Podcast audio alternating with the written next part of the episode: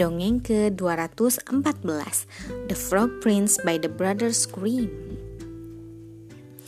Once upon a time there lived a very spoiled princess who never seemed content. The more she had, the more she wanted, and she just would not do as she was told. One day she took her golden ball out into the woods. She threw it high up into the sky once, twice, but the third time it slipped from her hands and with a great splash it fell down, down into a deep well. The princess stamped her foot and yelled, but this did not help. So she kicked the side of the well and a large frog plopped out. Ooh, said the princess, a horrible slimy frog. But the frog didn't move. Instead, it said, What are you making such a fuss about? A talking frog! For a moment, the princess was speechless, but then she looked down her nose and said, If you must know, my golden ball has fallen down this well, and I want it back. With a sudden leap, the frog disappeared down to the well. In a wink of the eye, it was back with the golden ball. The princess went to snatch it up, but the frog put a wet foot rather firmly on it and said, Hasn't anyone taught you any manners? I have a special request to make.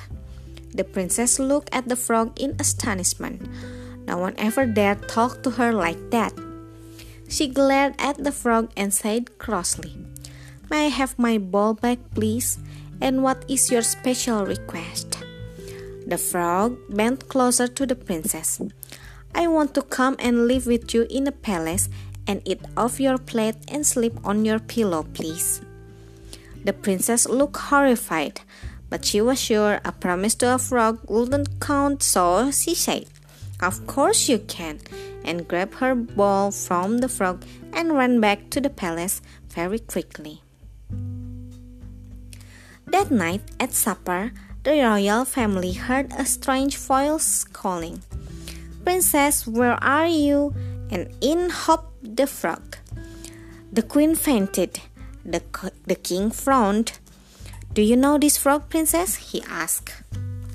Oh, bother, said the princess again, but she had to tell her father what had happened. He insisted the princess keep her promise. The frog ate very little, the princess even less. And when it was time to go to bed, the king just looked very sternly at the princess who was trying to sneak off on her own. She picked the frog up by one leg, and when she reached her great four poster bed, she plunked the frog down in the farthest corner. She did not sleep a wink all night. The next evening, the frog was back. Supper was a quiet affair. The queen stayed in her room, the king read the newspaper, and the princess tried not to look at the frog. Bedtime came, and once again, the frog and the princess slept at opposite ends of the bed. The third evening, the princess was terribly hungry, so she just pretended the frog was not there and ate everything that was placed in front of her.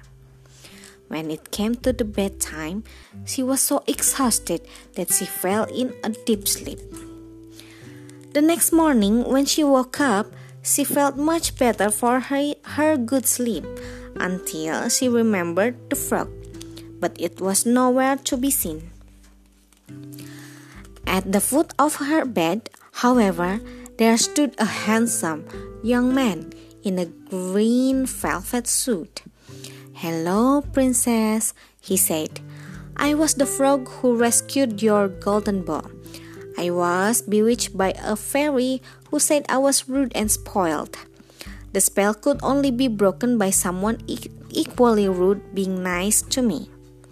The princess was speechless. The king was most impressed with the man's manners, and the queen liked his fine suit. Everyone liked the fact that the princess had become much nicer, and before long, the princess and the young man were married. Sekian, terima kasih telah mendengarkan. Selamat malam.